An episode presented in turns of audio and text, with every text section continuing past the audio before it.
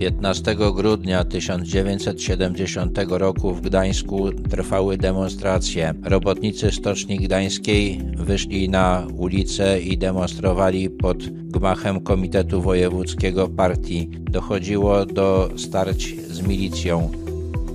W trakcie tych zamieszek starszy sierżant Marian Zamroczyński zaczął strzelać. Zamroczyński miał prywatne porachunki ze stoczniowcami. Dwa lata wcześniej został przez nich pobity i musiał być leczony w szpitalu. Pocisk z jego pistoletu trafił w szyję stolarza ze Stoczni Gdańskiej Józefa Widerlika. To była prawdopodobnie pierwsza ofiara śmiertelna zajść na wybrzeżu. Tłum odebrał Zamroczyńskiemu broń i pobił go tak, że zmarł 12 dni później w szpitalu. Stoczniowcy zdobyli komitet i podpalili go. Milicjantów, którzy bronili komitetu, rozbroili i trzymali na terenie stoczni, skąd dzięki pomocy dyrekcji udało im się uciec.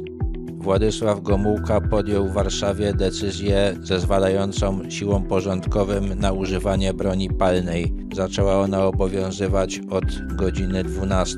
Powołano lokalny sztab wojskowy, na czele którego stanął wiceminister obrony narodowej generał Grzegorz Korczyński. W całym mieście nasilały się zamieszki. Do robotników przyłączyli się także studenci. Około 16 przed dworcem kolejowym snajper zabił jakiegoś przechodnia. Władze wprowadziły godzinę milicyjną od 18 do 6 rano. Tego dnia w zamieszkach w Gdańsku zginęło co najmniej 6 osób, a około 300 z ranami zgłosiło się do szpitala. W stoczni ogłoszono strajk okupacyjny. Do Gdańska ściągano jednostki Wojska Polskiego. Poza komitetem tego dnia spłonął także gmach Rady Związków Zawodowych, Naczelnej Organizacji Technicznej i Dworzec Kolejowy.